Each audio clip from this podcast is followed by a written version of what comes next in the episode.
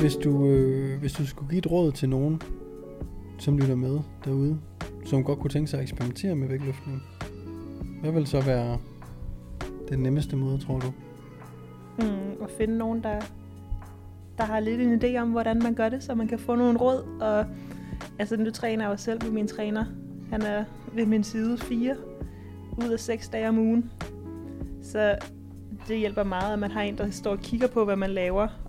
Og selv mig, der nogenlunde kan finde ud af det. Mm. Så betyder det stadig meget lige at få at vide, at den skal helt op i hoften, eller Mm. trykke helt færdig. Øh, nu skal jeg huske at spænde. Så man har en, der, der kan analysere ens løft og fortælle, hvad man skal gøre anderledes. For der kan bare være små ting, der gør Ja. meget i sidste ende. Så hvis man kan, kan finde nogen i ens øh, træningscenter, Mm. nogle instruktører, der ved noget om det. Ja, for det er, det er også en svær, det er en svær sportsgren bare at gå ind, kigge på internettet og gå ned og prøve at lave. Altså, det er Mm. det. Øh, Så det er en rigtig god idé at finde nogen, som har lidt forstand på at øh, vejlede andre i vægtløftning. Ikke fordi det er farligt eller noget, det er bare, Det er bare svært. det er bare ekstremt svært, faktisk. Og som du selv siger med mobilitet og så videre, det kan også være, at det er svært, fordi man har dårlig mobilitet, men det ved man ikke nødvendigvis, når man ikke har forstand på det overhovedet. Mm. Så, så det kan være en rigtig god idé lige at, at få nogen øh, til at, at kigge på det.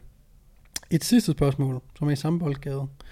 Men hvis der sidder nogen derude og laver vægtløftning, og måske også er lidt gode, og måske også, jeg ved godt, du ikke tror, at det, det er sådan, men hvis man nu ser lidt op til dig, fordi du laver jo bare vægtløftning og sådan, men skat, der er nogen, der ser op til dig, og føler sig inspireret af dig. Jeg er i hvert fald inspireret af dig. Men hvis man nu sidder derude og træner vægtløftning, og gerne vil øh, altså blive bedre, hvad er sådan dit bedste råd? Hvad er, er der noget, du har her, mens du har trænet med Anders de seneste par år?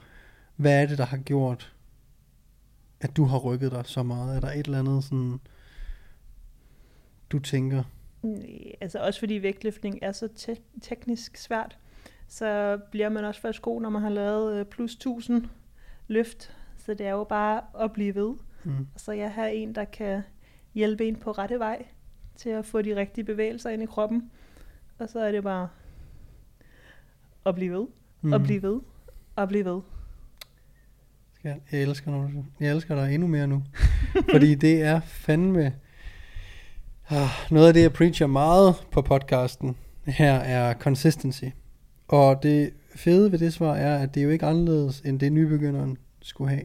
Det handler vidderligt om at blive ved. Fordi det der jo er den, tror jeg har været en stor forskel for dig, er, at øh, grund til, at du også har rykket dig så meget, at, at nu er du jo 110% vægtløfter. Mm. Så du er også gået all in. Nu har du sat alle pengene på, på vægtløftning, og så er det ja. Det, man gør. Så en ting er, at vi bliver også rigtig gode til træning, når vi, når vi jo mere specifikke vi er. Så i stedet for at gå og lave alt muligt bodybuilding og alt muligt crossfit og så videre, hvis du går all in på en ting, så bliver du også meget hurtigt bedre til den ene ting. Og så er det derefter, at vedvarenhed, altså især også når det er så teknisk en sport, jo flere løft du laver, jamen desto hurtigere laver du, jo flere gange du sparker til en fodbold, jamen desto bedre bliver du også til at ramme den og placere den op i krydset. Og hvis vi skal vægtløftning er virkelig ligesom at sparke frispark i fodbold, føler jeg lidt. Det er sådan, jo flere gange du kan sparke til den, bolden, desto bedre bliver du også til at sætte kraft i den, og til at placere den. Og det er lidt det samme med, med vægtløftning, føler mm. jeg, selvom jeg ikke selv dyrker det. Men jeg dyrker lidt igennem dig jo. at sådan, jo flere gange du gør det, og jo flere gange øh, du, du, øh, du prøver og prøver, desto bedre bliver du tilbage, og desto hurtigere kan du også få flere og flere kilo på. Så det sidste, jeg gerne vil spørge dig om. Mm. Vi skal lige have nogle maxes. Maxes. Maxes på bordet her.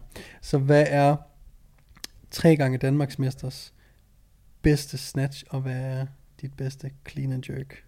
Mit bedste snatch er 95 kilo. Jeg havde et forsøg på 97 til EM, som jeg missede, som jeg er rigtig ked af. Ja. Og efter at have prøvet at løfte 97, så er 95 ikke så fedt længere. så nu er jeg videre. Nu skal jeg bare Videre. have noget flere. Ja. Nogle flere kilo.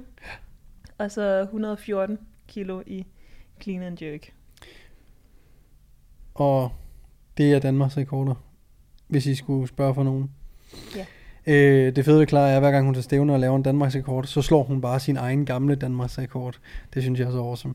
Øh, hvad regner du med at ramme i næste stævne? Hvad er målet der? Mm, så der tænker jeg, at vi skal... Så skal de 97 der i hvert fald med. Altså målet er jo 100 kilo snatch. Mm. Det er, Det er et stort mål. det er et stort mål, ja. Det er det, vi, der er i hovedet til hver træning nu. Det er det, der er det næste fede. Selvfølgelig er der lige 5 kilo derop, og det er ikke fordi, man lige laver en 5 kilo PR i vægtløftning. Det er ofte 1 kilo PR, selvom Ja. du hader det.